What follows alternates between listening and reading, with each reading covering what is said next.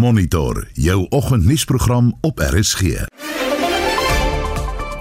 In die program die minister van Finansies Enoch Godongwana erken die regering is platsak.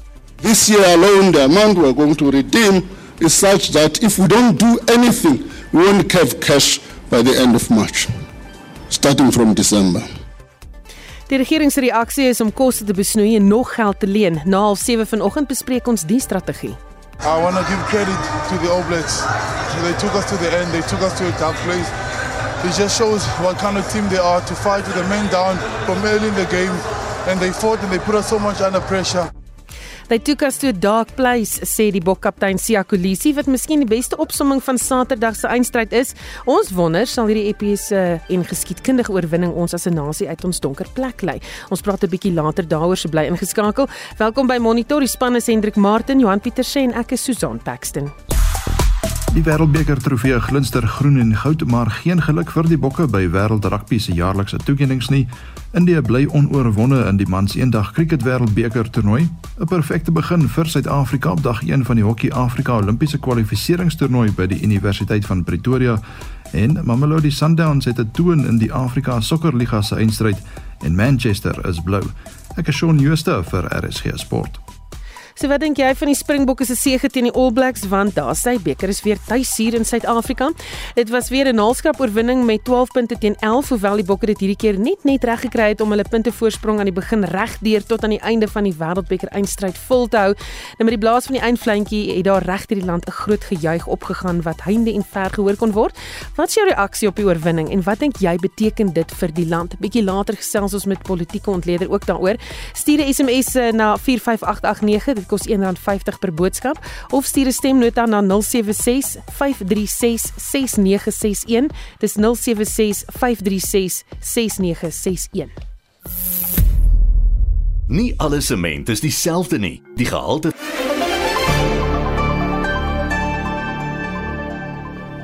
nou 10 minute oor 6. Jy luister na Monitor in Suid-Afrika se nasionale rugby-afrigter Jacques Ninaber het sy wêreldbeker wenners as krygers beskryf en sê die spelers het die wêreldbeker toernooi vir hulle ondersteuners gewen. Ninaber sê dit was die bokke se gesamentlike ervaring wat die knoop in 'n naalbyt eindstryd teen Nieu-Seeland met 'n finale telling van 11-12 deurgehak het. Suid-Afrika het daarin geslaag om 'n 14-man All Black span in 'n uitmergelende eindstryd in toom te hou. Albei spanne moes egter alles en meer in die stryd werp. Die Springbokke het die eerste span geword om die wêreldbeker titel vir 'n vierde keer te verower. Nina Aber sê die steun van Suid-Afrikaners was deurentyd tasbaar. We felt every single little bit of energy they gave us and I think in the last 3 games uh with 3 one point victories we we needed that and uh, that drove us. Um so yeah, Ninaber sê is verlig oor hoe die wedstryd afgeloop het. As a management and leadership group, we always thought that we just can't uh, mess this up because they always, from 2018, thought they had the ability to to win the 2023 World Cup, and 2019 was was something that that, that probably opted on along the way. uh, but in saying that, so I'm relieved for the players. They deserve that, and they were good enough to do that. And then, but this is probably for our fans, uh, for South Africa. Sia Kolisi is slegs die tweede kaptein, naas die All Black Richie McCaw, om die trofee vir 'n tweede keer te wen. Yeah, there's a lot of pressure on us. They put a pressure on our lineouts, but we found a way. Somehow we found a way. And honestly, like people that are not from South Africa don't understand what this means for our country. You know, it's not it's not just about the game on the field. You know, our country goes through such a lot and we are that bearing hope that they have. Vir Nieu-Seeland was die verlies niks minder as verwoestend nie. Maar hulle het besef dat Suid-Afrika die aand meer gedissiplineerd was en die oorwinning verdien het. Afrigter een Foster en kaptein Sam Kane sê New Zealand is verpletter. To win. I just firstly want to congratulate South Africa on what they've achieved. They've uh, showed a lot of character and tenacity through this tournament. That's three close games that they've come out the right side, so they're doing something right. So, um, congratulations to them on on a magnificent tournament. Um, for us, uh, it's, it's heartbreaking. Right now, it's actually hard to find the words to to explain it. Um, but so so so it, it's hard because you're feeling so much hurt, but at the same time you're so proud of the group and how they fought back um, and really gave themselves a good shot at winning that game. Jody Barrett het 'n skop na die paal 7 minute voor die einde gewaag. Sy poging was egter wyd en Suid-Afrika het die wedstryd gewen. Die land se tweede oorwinning teen die All Blacks sedert hulle 1995 sege. Hierdie bydra van Percy en Katloo van 'n sportredaksie en ek is Hendrik Martin vir SAK nuus.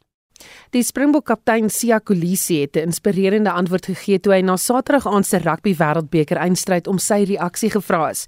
Hy het by 'n nuuskonferensie in Parys saam met afrigter Jacques Ninaber gepraat. Kom ons luister gou wat hy te sê gehad het.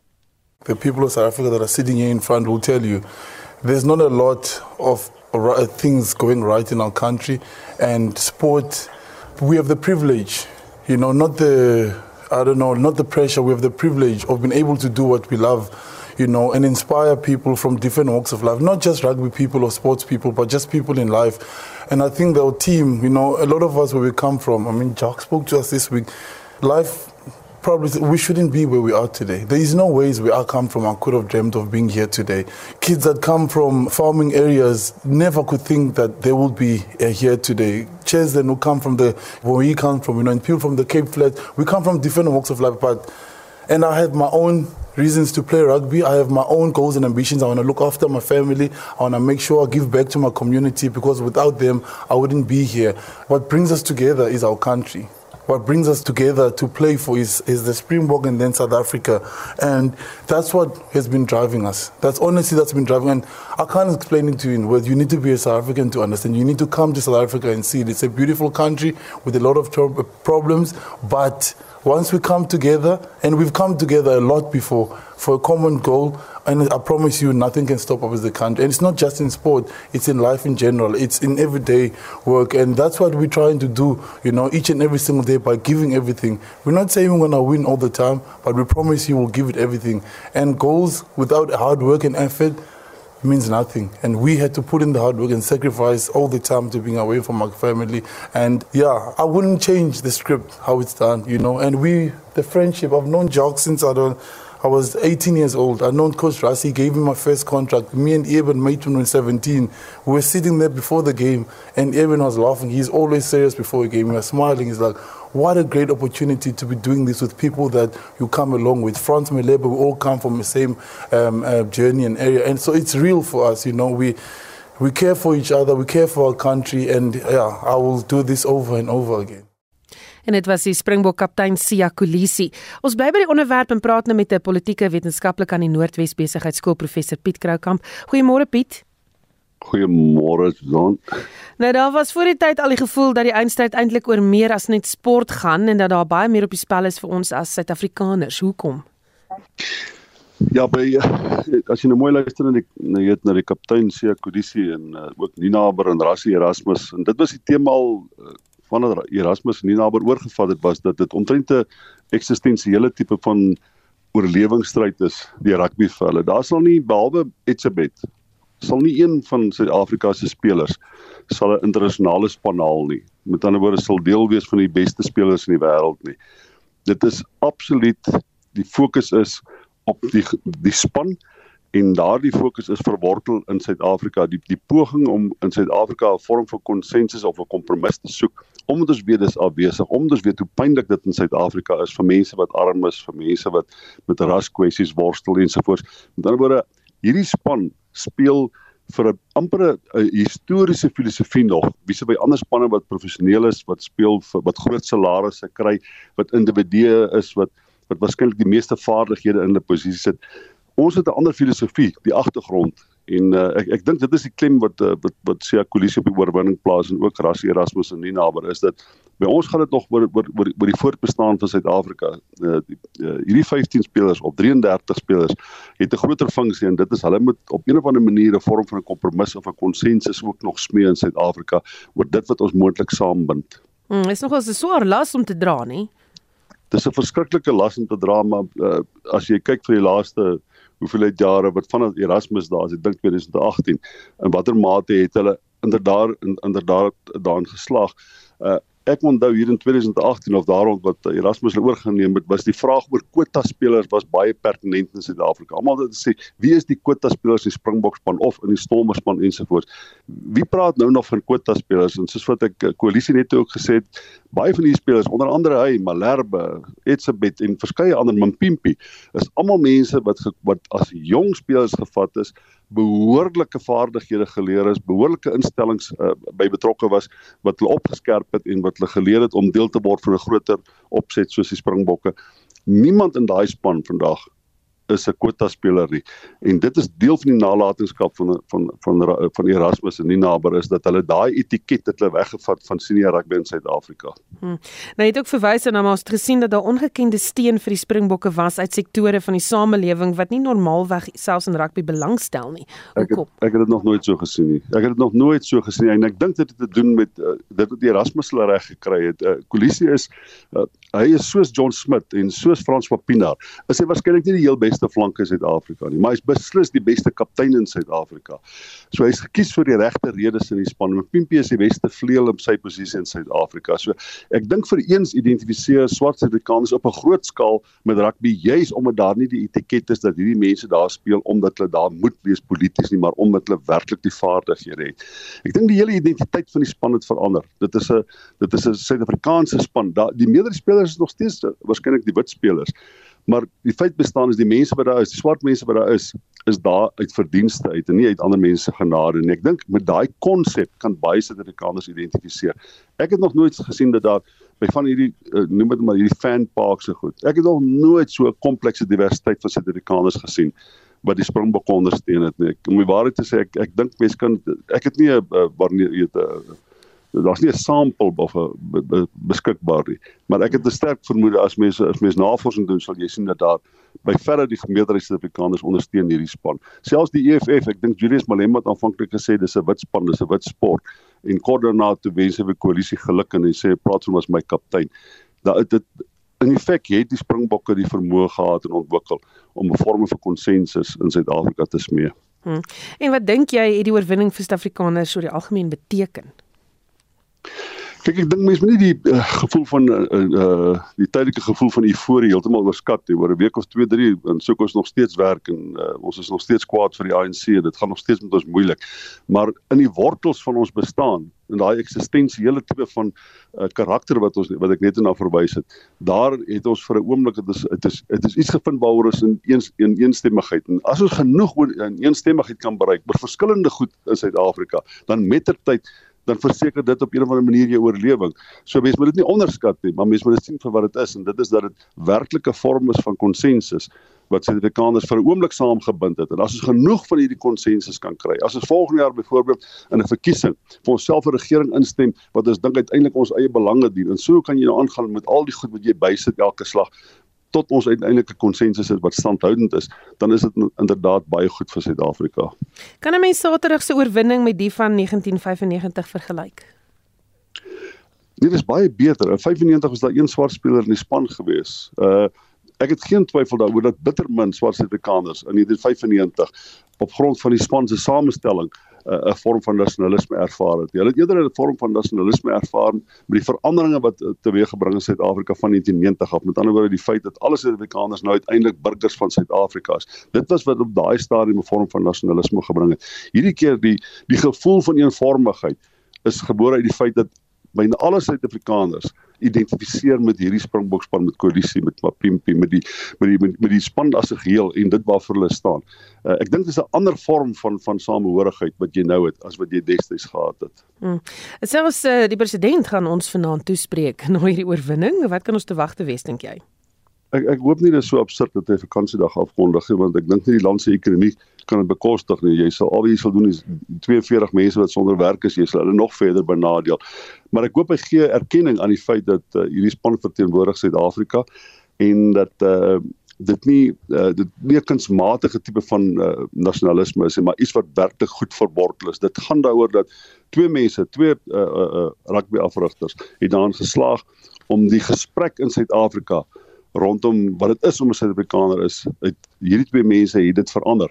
Uh, ek dink as hy uh, homself op die geleentheid wil reg laat aandoen wat hy eerder eer gee aan twee mense dink ek wat 'n uh, totale narratief in Suid-Afrika verander het. Wat ons anders laat dink het oor die nasionale span, wat ons anders laat dink is oor onsself. Dis baie belangriker as om vir ons elkeen 'n vakansiedag te gee en in die proses nog meer mense in besighede te benadeel. Jy weet selfs die klere drag wat hulle aangetree het, het die nasie saamgesnoer. Hulle wou die groen en goud gehad het. So dis interessant hoe die die verskillende dinge van die rugby span almal saambind. Ja, maar wat daai ander trui was daarom verskriklik vieslik lelik geweest. Ek kan nie ek ek ek kan glad nie verstaan. Nee, ons is groot groot mate, selfs die Springbok span het vir 'n oomblik vrede daarmee gemaak, maar ek dink in die in die kwartfinale het ons al reeds gesê ons ons kan nie in daai trui speel nie toe die Suid-Afrikaners want hulle die lood verloor om die keuse te hê van die tuisspan uh, met watter trui jy mag speel. Maar dit was net eenvoudige verskriklike aaklige trui geweest. Dit is nou so. Hmm. Sê vir my, is dit waar soos Kolisie sê dat Suid-Afrikaners tog kan saam staan onder moeilike omstandighede? Ja, ons kan want ons jy kan nie moeiliker hê as wat ons nou het nie. Ons as jy kyk na ons moordsyfers, eh, geweldsyfers, werkloos werkloosheidssyfers, dis van die hoogste in die wêreld. Uh, en tog het uh, miljoene Suid-Afrikaners in in in groot vrede daarin geslaag om entoesiasme vir 'n enkele idee, met ander woorde om die wêreldbeker te wen, vir 'n oomblik saamgestoor. Ek dink nie uh, in ons tyd, veral gegee word die, die die moeilike omstandighede waaronder ons nou is, wat koalisie in die in die midde van die president beklemtoon by die wêreldbeker se oorhandiging. Uh, ek kan nie dink aan aan aan aan 'n ander nasie wat daaraan kan slaag om vir 'n oomblik stil te staan en saam met mekaar na dieselfde ding te kyk, hoe onbelangrik dit ook al is vir 'n klomp vir 15 sportmense om 'n bal oor 'n veld te jaag en nog steeds te sê vir eens het ons vrede met mekaar nie. Hm. Baie dankie, dit was 'n politieke wetenskaplike aan die Noordwes Besigheidsskool professor Piet Kroukamp. President Cyril Ramaphosa sal die nasie vanaand om 8uur toespreek na sy terugkeer uit Frankryk waar hy die Wêreldbeker eindstryd bygewoon het. Dan word verwag dat hy 'n nasionale vakansiedag ter ere van die Springbokke sal aankondig miskien. Die Springbokke is vir 'n vierde keer as die Wêreldbeker kampioene gekroon na hulle teen Nieu-Seeland gewen het. Die minister in die presidentskap, Kombutso Ntshavheni, het intussen 'n verklaring uitgereik om die bokke met hulle oorwinning geluk te wens. The Springboks symbolize the resolve, resilience, and unbreakable spirit of South Africans as a nation. Never has a team, which was once at the center of dividing a nation, has risen time and again to unite and rally the nation behind one flag, a single identity of being a South African. We are proud of the leadership of Captain Siya Kolisi, who led the mighty team to victory. Would also like to extend our appreciation to all the South Africans and Africans and all the supporters of Springboks from all walks of life. Supporting our national team is not just about the game, it's about forging a collective spirit that extends beyond the field of play. It's about instilling a sense of pride in our national identity, reminding us us of incredible strength we possess when we stand together. The Springboks have etched South Africa's name in the annals of history. We are eternally proud of you, Boke, in your team effort, in the camaraderie in the camp, and the vibe, South African and African vibe you brought through to the camp that demonstrated that indeed we are stronger together. We'll also like to congratulate the All Blacks for their excellent effort and display of rugby skill. We say to them, maybe tomorrow. Today, the Web Ellis Trophy is endicant. En dit natuurlik die stem van die uh, minister in die presidentskap Kombutso Ntshavheni. Met nog geen einde van die konflik of aan die konflik in die Midde-Ooste in sig nie, is dit dalk te vroeg om van 'n vredesproses te praat. Verskeie resolusies om die konflik te beëindig wat in die Verenigde Nasies se Veiligheidsraad gedebatteer is, is geveto en net misluk. Met Sien van der Merwe het met Jan Hofmeyer, die hoof van beleid en analise by die Instituut vir Geregtigheid en Versoening gepraat. Hofmeyer, wat vroeër of was vroeër by die vredesproses in Irak betrokke? Dit was die tyd toe ISIS besig was om verslaan te word en daar was 5 miljoen mense verplaas in Irak hmm. en ek was die tegniese adviseur vir versoening van die VN op daai oomblik en die druk was baie hoog. Wat is die oorsaak van hierdie konflik? Die onmiddellike oorsaak is die aanval van Hamas op Israel, maar die langer termyn oorsaak van die konflik is die verdrukking van die Palestynse mense sedert 1948 wat in rukke en stote toegeneem het in intensiteit en die afgelope tyd ook met die regse regering in Israel tot nog groter hoogtes gevoer is. So die Palestynse gemeenskap leef onder geweldige druk. Hulle is afgesny van die buitewêreld af. Hulle is heeltemal afhanklik van Israel vir alles. Israel kan letterlik krane oopdraai en toedraai soos hulle wil. Hulle kan elektrisiteit aansit en afsit soos hulle wil. En die mense kan nie eers hulle eie land verlaat nie. So dis 'n geweldige onreg wat aan die Palestynë gedoen word. En as jy op sosiale media kyk of selfs kyk na onderhoude by nuusinstansies, dan praat die Israelies of die Jode die heeltyd van hulle reg om hulle self te verdedig en hulle bring gedurig die mensenslagting van Hitler in die Tweede Wêreldoorlog van die Jode in. En ek het nou die dag met 'n ja, vrou gepraat okay. in Gaza en sy het gesê dat dit is op die oomblik en ek haal haar aan 'n holocaust in Gaza. Laat ek dit vir jou so sê en ek is bly van Israel na Jode toe oorgespring want ek wil 'n baie skerp onderskeid maak tussen daai twee konsepte en enige mens wat dit wil verstaan die konflik met daai onderskeid maak. Israel is 'n land, Joodsheid is 'n godsdiens en 'n kultuur en dit is 'n globale fenomeen waarvan Israel maar een land is en op hierdie oomblik is Israel in die hande van 'n uiters regse regering en is die vergrype van menseregte op 'n hoogtepunt en heeltemal moreel onregverdigbaar. Dit sê absoluut niks van Jode nie. Inteendeel, baie Jode reg oor die wêreld het self uitgespreek teen hierdie regering ook. Daar's baie groot verdeeldheid binne Israel self hieroor. En so ek wil daai onderskeid baie sterk tref. Dit is die onderskeid wat mense soos die nasies nie getref het nie.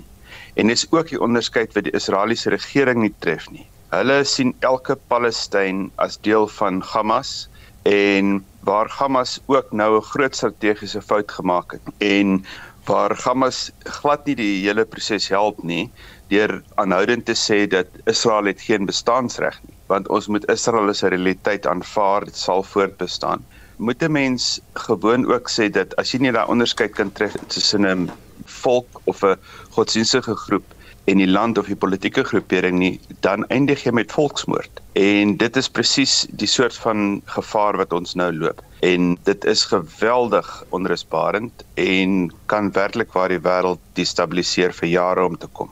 Ek kom net gister terug van New York af en weer onder die indruk van hoe 'n groot gemeenskap van Jode in New York woon ook wat hulle eie menings het oor ding. So nee, ek dink dit is 'n onderskeid wat 'n mens baie duidelik moet tref en ongelukkig nie deur die Israelitiese regering getref word op hierdie stadium nie en dit is die, die voorspel miskien na volksmoord. Ek bedoel dit is letterlik so gevaarlik soos dit is.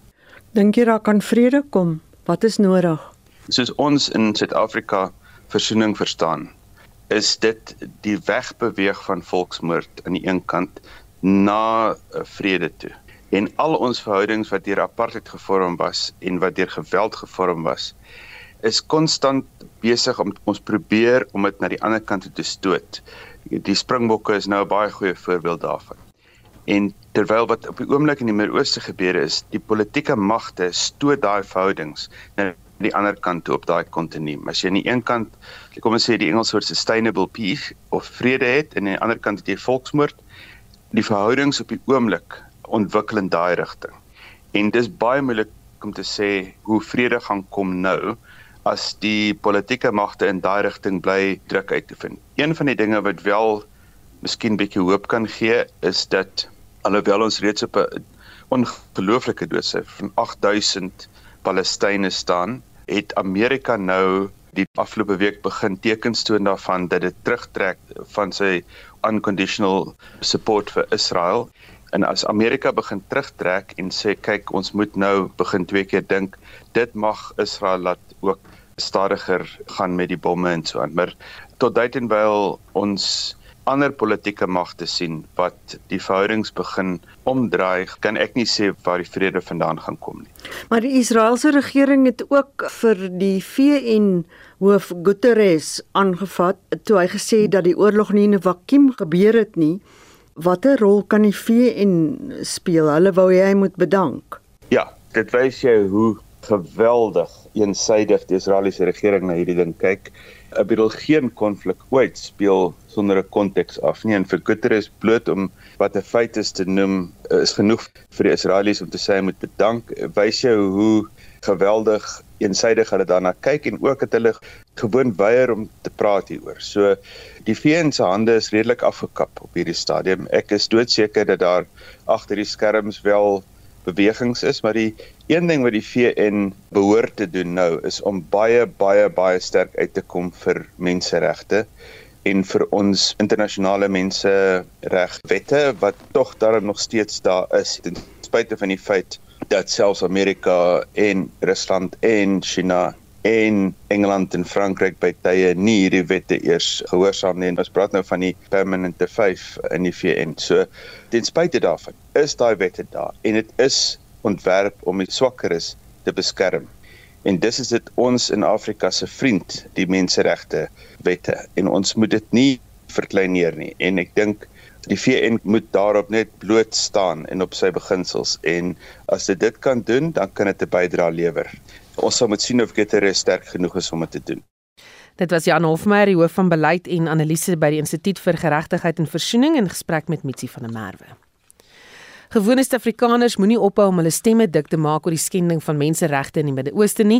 Dit is die boodskap van die Palestynse Solidariteitsveldtog wat vroeër in Kaapstad betoog het. Celine Merrington doen verslag.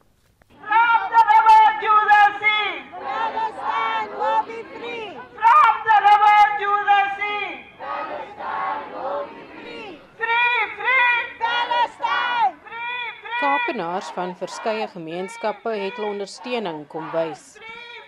Ek is hier omdat ek 'n les geleer het deur die apartheidsjare wat goed van ons af weggehou was. Ons het kennis gedra daarvan en goed verdraai was. Nou het ons nie ekskuus nie. Ons kan alles ondersoek, make up your mind, besluit en tree op. Ek is 'n Christen en elke lewe is kosbaar en dit wat hulle doen as 'n Christen nasie, hulle sê hulle is Christene. Ek kry skaam vir dit. Dit is verskriklik. Wel, nommer 1, boikot vir Israel. Moenie Israel se goed koop nie. Uh moenie gaan besoek af lê nie. Moenie toeriste wees daar nie. En waar jy kom, versprei die nuus dat Israel 'n rassistiese staat en dit moet vermy word. My heart has just been absolutely broken for years, but more so this past few weeks, just seeing all the footage and all the images coming out of Palestine, seeing what's happening to the children. I feeling emotional speaking about it, but I feel like this feels like the least we can do, and somehow it's the most we can do because there's no other way to help right now. Well, we need to show solidarity with Palestine, especially being a country that has come out of apartheid itself. Um, and we need to put pressure on our government to take action.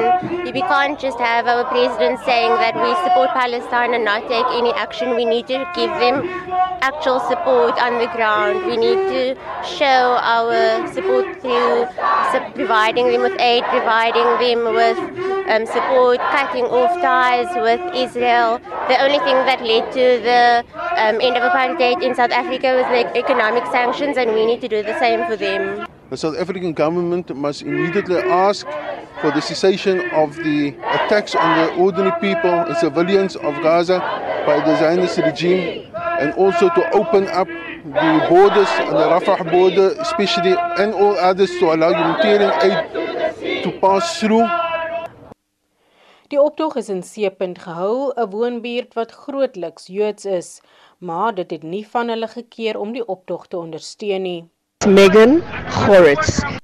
I am a Jew, I'm a South African, but I'm an anti Zionist. I believe that what's happening in Gaza and um, with all Palestinians is a humanitarian crime, and I am coming here in support of a free Palestine. Die Palestynse Solidariteit Veldtog bestaan uit verskeie burgerregte organisasies en ook politieke partye. Hulle het weer hul eise herhaal dat die Israeliese ambassadeur geskort moet word en dat Suid-Afrika ekonomiese sanksies teen Israel moet instel.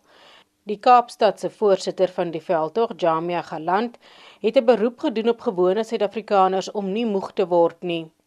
Ek ek ek sê altyd ons moet nie moeg raak van ons ons voice uitstuur vir vir Palestynë vir die mense van Palestynë want dit gee ook vir hulle hoop om te sien die mense al oor die wêreld wat staan in solidariteit uh, met hulle en hulle struggle. Soortgelyke protesaksie is in Johannesburg en Potchefstroom gehou en nog word vir die komende weke beplan. Zelin Merrington, Parlement. So ons het gevra wat dink jy beteken hierdie oorwinning uh, vir die bokke vir die land en op Facebook sê Jock kyk niemand ek eer en respekteer enige span wat vir 80 minute aanhoudend kan verdedig en steeds 'n wêreldbeker kan wen. Nog nooit het ek gedink dat 'n land hulle so sal verenig agter 'n span soos die jaar nie. Jonk en oud het die kompetisie gevolg en meelewing was ongelooflik. Baie geluk bokke, julle het dit verdien. Aleta Kobet wat sê ek sou nie nog 'n eindstryd oorleef het nie. Die bokke was die beste. Dan sê Julian of Juliana Foster alles groot genade. Bokke Bokke dit was net net maar trots van Suid-Afrika. Dirkie Burmeister, Suid-Afrika is simply the best. Lisbeth Joubert, dit was voorwaar Boktember maand in Suid-Afrika. Wat 'n span, wat 'n eindstryd. Ek is so trots op die Bokke en afrigters. Baie geluk aan almal. Bet Sonders wat ook sê ons is baie trots op die Bokke en Willem Jumat baie goed gespeel. Trots op die Bokke. Hulle het net weer 'n punt bewys. Dit is pragtig. Madeleine Oberose wat sê Bokke is maar net die beste en Bets Ferreira, dit was naby te nul skraap. Die eerste helfte het ons nog gedomeineer, maar in die tweede helfte moes ons net verdedig en wat ons verdediging nie verstom en pyk nie. Baie geluk Bokkie lê maak ons baie trots. En ek eh, weet almal is baie trots daaroor maar maar wat beteken hierdie wen dink jy vir ons as 'n nasie? Jy kan steeds saamgesels op Facebook en jy kan vir ons 'n SMS stuur 45889 onthou SMS se kos R1.50 Wêreldnuus Nou Germany sluit nou by my aan vir 'n blik oor wêreldnuus gebeure. Israel het gister gesê hy is van plan om Gaza se hoofstad te omsingel in wat hy fase 2 van die oorlog noem. Germany. Dis reg, dit volg nadat Israel Gaza die naweek binnegeval het. Vegvliegtye uh, van die Israeliese weermag het meer as 450 militêre teikens wat uh, van Hamas behoort in die Gaza strook getref. Die BBC se Paul Adams verduidelik wat Israel uh, fase wat die fase 2 moontlik sal behels. I think it's going to be a gradual, incremental, increasing presence on the ground inside the Gaza Strip. It's very limited at the moment. It's basically just a small patch up in the far northwest corner of Gaza with some other limited incursions further south. But I think what the Israelis are doing is gradually moving forward. They're not yet close to the heavily built up areas around Gaza City, but that's clearly the objective that's in their sights. And as they're moving forward, they're gathering intelligence. They're trying to look for clues about where hostages may be still being held and just probing the Hamas defenses. Because at some point, the Israelis are going to try and move in to Gaza City to really take on Hamas in that urban environment. Nou, leidersberigte het meer as 1,4 miljoen mense reeds uit hulle huise in Gaza gevlug. Dis reg hulle soek nou toevlug by hospitale, pakhuise en sentrums van die Verenigde Nasies se Palestynse Vlugtelingagentskap, maar daar heers chaos en uh, paniek.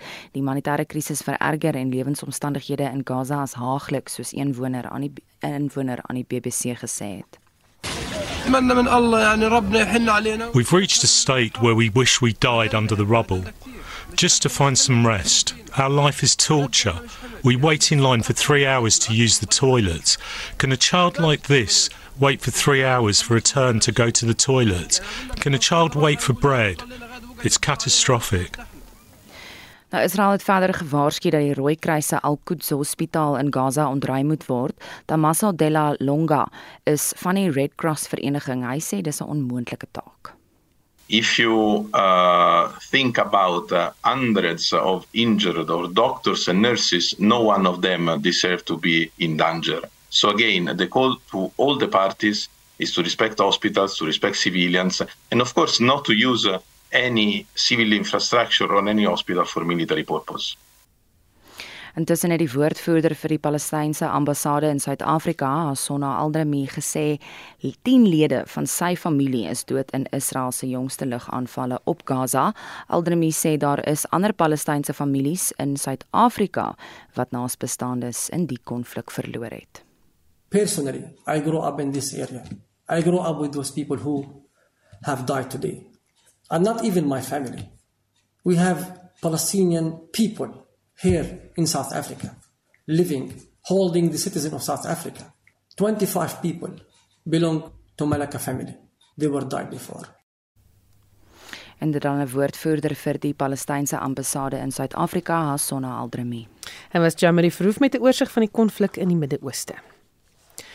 Die minister van Finansies, Enoch Godongwana, het 'n donker prentjie van die land se staatsfinansies geskets voor sy mediumtermynbegrotingsrede hierdie week. Hy was die hoofspreker by die Galema Motlanthe Stichting se jaarlikse forum in die Drakensberge. Godongwana het gewaarsku dat die skuld wat die regering nou moet betaal al sy finansies teen die einde van Maart volgende jaar sal uitwis. Godongwana sê die regering sal meer geld moet leen om ingrypende kostebesparings te beperk. Die minister van Finansies, Enoch Godongwana, gee 'n blik op die benarde toestand van die regering se geldsaake. Hy sê die regering verloor geld en dat swak ekonomiese groei tot 'n verminderde belastinginkomste gelei het. Ten spyte van minder geld, neem die regering se uitgawes vinnig toe. Volgens hom het die regering nie 'n ander keuse as om meer geld te leen om sy kostes te dek nie. First thing we've done is to manage this in a more prudent way. Do a combination of cutting expenditure and bumping up borrowing. Let me tell you the numbers now. I've, we've been forced to bump up borrowing a bit more than we have predicted in the year because if we didn't do that, the cuts would have been more massive. So we had to do a combination of both. Gordon Guana bekommerd oor die land se stygende skuldvlakke. Skuld bring hoë kostes om te betaal, gemiddeld 366 miljard rand per jaar. Dit is meer as wat die regering jaarliks vir die departement van polisie begroot. Met baie van die regering se skuldinstrumente wat vanjaar verstryk, sê Gordon Guana dat die regering die gevaar loop om binnekort nie genoeg geld te hê nie. If we see that the police budget in this current financial year is 111 billion, health is about 253, education is about 206, debt service costs are the single biggest item, sitting at 366 billion. What complicates your problem is that not only you've got debt service costs, you've got to redeem all debt. The next pack of slides that you, show, you see there is debt redemption. This year alone, the amount we're going to redeem is such that if we don't do anything, we won't have cash by the end of March, starting from December. Ekonome sê die maatreëls is daarop gemik om die regering te help om die maatskaplike hulptoelae uit te brei. Die regering sal na verwagting al die departemente en staatsinstellings se begrotings sny om die pro-arm maatskaplike projekte beskerm terwyl die land vir 'n nasionale verkiesing voorberei. Mitsi van der Merwe, SAK-nuus. Ons bly by die storie en praat met die hoof van makro-ekonomie, vaste inkomste en geldeenheid navorsing by Standard Bank, Dr Elna Moelman. Goeiemôre Elna. Goeiemôre. So kan ons glo dat die regering so platsak is? Dit dit is regtig so ek dink dit is so eenvoudig soos jy weet ons spandeer omtrent 2 mil 2 triljoen rand 'n jaar en ons inkomste is net 1.7 en soos wat die minister nou gesê nie net het jy daardie verskil met ander woorde jy spandeer elke jaar meer as wat jy inkry nie maar ons moet van die ou skuld nog terugbetaal ook. So ons is ongelukkig in 'n situasie waar die regering nou drastiese stappe sal moet neem. So wat het aanleiding tot hierdie situasie gegee? Ek dink dit is 'n kombinasie van goed. In die, in die eerste plek het ons nou hierdie jaar spesifiek die situasie waar kommoditeitspryse baie geval het. So ten spyte daarvan dat die regering redelik konservatief was in sy ehm um, vooruitskattinge aan die begin van die jaar, gaan maatskappy inkomstebelasting nog steeds baie minder wees as wat hulle gedink het. So ons dink dit gaan so 55 um, miljard rand minder wees as wat verwag is en dit is 'n 'n deurlopende verlaging. Met ander woorde, dis nie net hierdie jaar se nie. Volgende jaar se gaan ook laer wees en die jaar daarna ensovoorts. En natuurlik was hierdie jaar se loonverhoging vir staatsamptenare 'n bietjie hoër as waarvoor begroot is. So jy het nou beide laer inkomste en hoër um, uitgawes, maar dit gaan nie net oor hierdie jaar nie. Dit gaan eintlik daaroor dat ons oor die laaste klompie jare um, uh, uh, met sekere tye meer spandeer het as wat ons moes. Daar is op sekere plekke vermorsing, daar is op sekere plekke duplisering en en ongelukkig groei die ekonomie net nie vinnig genoeg om om in te haal al hierdie ehm um, spanderingsgroei wat ons gehad het, nê. So wat gebeur as die regering nie meer sy skuld kan betaal nie? dit dit is 'n baie groot probleem op hierdie stadium is ons nog in 'n situasie waar die regering net elke jaar 'n bietjie meer leen en 'n bietjie meer leen maar beleggers raak nou bekommerd oor daardie risiko wat hulle sê jy weet as jy nie baie vinnig ehm um, daadwerklike aksie neem om beide jou jou inkomste te verhoog en jou uitgawes aan te spreek nie, dan raak ons bekommerd oor die risiko's in die langer termyn dat jy nie meer julle skuld gaan kan delg nie. En so wat ons nou sien is dat rente ehm um, betalings baie opgegaan het. Met ander woorde, 2 jaar terug was die rentekoers wat die regering betaal het byvoorbeeld om 10 jaar lank geld te leen 9%. Nou is dit 12%. So dit maak eintlik die hele situasie net erger. Ek dink die regering gaan ongelukkig moet aan die spanderingskant sny. Ons sien natuurlik aan die inkomste kant dat daar twee positiewe goed gebeur. Die een is dat ons byvoorbeeld aan die energiekant daardie probleme aanspreek, so ekonomiese groei behoort 'n bietjie sterker te word in die toekoms. En dan sien ons natuurlik dat die ehm um, inkomste diens beter doen, meer mense in die belasting net kry, ontduikers vasvat. So daardie inkomste word dan ook so bietjie meer. So daardie twee goed is dan nou positief, maar ons gaan groot aanpassings moet maak aan die uitgawekant as ons wil seker maak dat dat hierdie situasie nie nie heeltemal 'n spiraal word word wat buite beheer is nie. En die bydra eindig met die siniese opmerking dat die besnoeiing en lelings bedoel is om welvaart toelaas in stand te hou. Jou kommentaar daaroor. Ja, ek dink 'n mens moet maar net gaan kyk na na waar op die regering spandeer en as jy nou nou sê, jy weet daar is vreeslike armoede, die die, die toelaag gaan tot 'n groot mate aan mense wat waarskynlik nie die vaardighede het om in die arbeidsmark opgeneem te word nie. Dan moet jy sê dalk moet 'n mens nie net as gevolg van die verkiesing nie, maar dalk behoort die staat dan daardie 250 miljard per jaar te spandeer. Maar as jou rente las per jaar meer as dit is teen 340 miljard per jaar, dan moet jy sê iewers moet ons daar ehm um, seker maak dat ons dit onder beheer kry. So dit is eintlik ons groter probleem. Hmm. Baie dankie. Dit was Dr Elna Moelman, sy's 'n ekonom by Standard Bank. Praat nou met Shaun Jooste vir die jongste sportnuus. Goeiemôre Shaun. Goeiemôre Susan. Gisterand se wêreldrugby toekenningshaal nie die glans van die Bokke se rekord 4de titel af nie. Ja, niks kan uh, 4 uit 4 versier nie Susan. Uh, die afrigter Jacques Minaber slot Ebenet spit in loskakel Mani Lubok is genomineer vir toekennings, maar het met Leander daaruit gestap.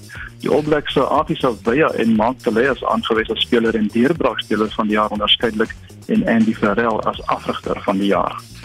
Uh, die toer aspek in die Verenigde Rugby Kampioenskap bly maar 'n kwelpunt vir Suid-Afrikaanse kant. Ja, die Bulls is gisterand met 26-19 deur Ulster geklop. Die Sharks het 34-13 teen Leinster en die Lions naalskrap 17-16 teen Edinburgh verloor. Die Stormers het die Scarlets wel tuis met 52-7 afgeransel. Dit is uh, redelik duidelik wie die halfeindronde in die mans eendag kriket wêreldbeker toernooi gaan haal.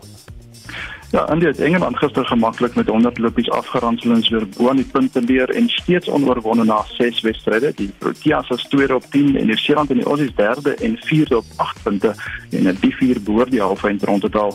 En die WP is ook die plaaslike eendagkampioene nadat die Northwest Dragons met 107 lopies in die eindstryd oorrompel het. Hm. Die 19 vir Suid-Afrika op dag 1 van die Hokkie Afrika Olimpiese kwalifikasietoernooi, maar nog 'n nederlaag op die netbalbaan.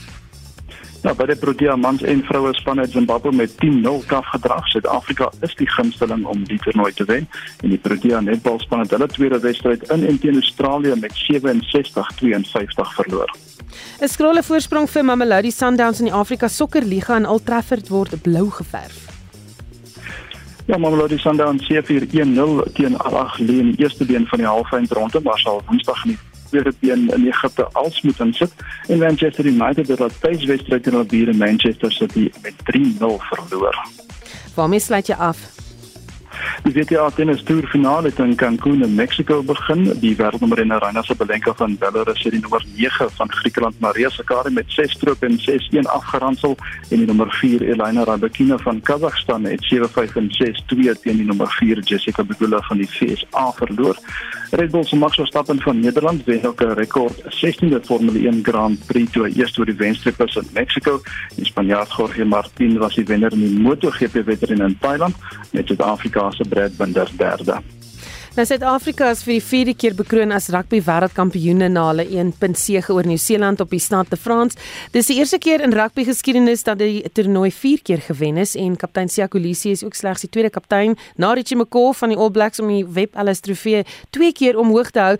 En ons praat nou met die voormalige bokafrigter Pieter de Villiers. Goeiemôre Pieter. Goeiemôre Susan, hoe gaan dit vanoggend met julle? Wag, net kyk luister so goed soos dit kan gaan, jy weet ons is ons het die beker tuis. Ehm um, sê vir my wat beteken hierdie is dan Ja. Dis almal wonderlik wat wen en 'n mense gemoed maak, né? Op 'n maandagooggend niks beter as dit nie. sê vir my wat beteken hierdie oorwinning vir jou en wat behoort dit vir al die Suid-Afrikaners te beteken? Ja, jy weet Susan, ons het 'n geleentheid in 1995 ehm um, vreeslik gemis toe ons die wêreldbeker gewen het om om om om daai tipe van gees wat in die land geheers het te omskep in 'n een eenheid ehm um, deur deur die mense eers te stel, deur hulle behoeftes eers te stel en te kyk hoe kan ons daai daai bestaande blokke afbreek. Ehm um, ek hoop net dat ons hierdie keer nie weer dieselfde foute gaan maak nie. Ek hoop net ons dit kan gebruik tot die beste van ons vermoëns om elke mens se menswaardigheid in hierdie land terug te gee. Dit is die manier waarop Suid-Afrika die laaste 3 wedstryde van die toernooi gewen het. Wat sê dit vir jou van die groepspelers? Ja, ja, ehm um, kom ek sê gou vir jou, dis nou karakter uit die hoogste rakke uit, né?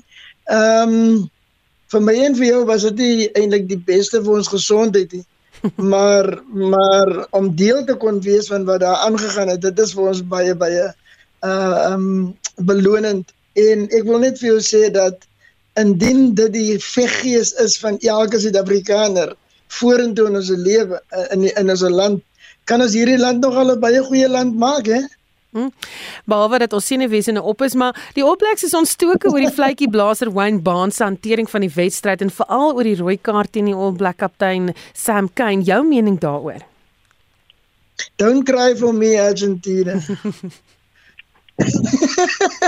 Ag wie wat nee, ehm um, ja, dit dit dit dis dis altyd maar ons sal altyd fout vind en as dit die skoen in die ander voet was, dan sou hy nou nou nie soveel oor gesê wees dit ek wou nie vir my my dag laat ehm um, uh, on uh, uh, uh, kom kom ek sê laat verander deur iemand wat ongelukkig is. Ek is baie gelukkig vandag en ek gaan daai geluk tot die beste van my vermoë uitlewe.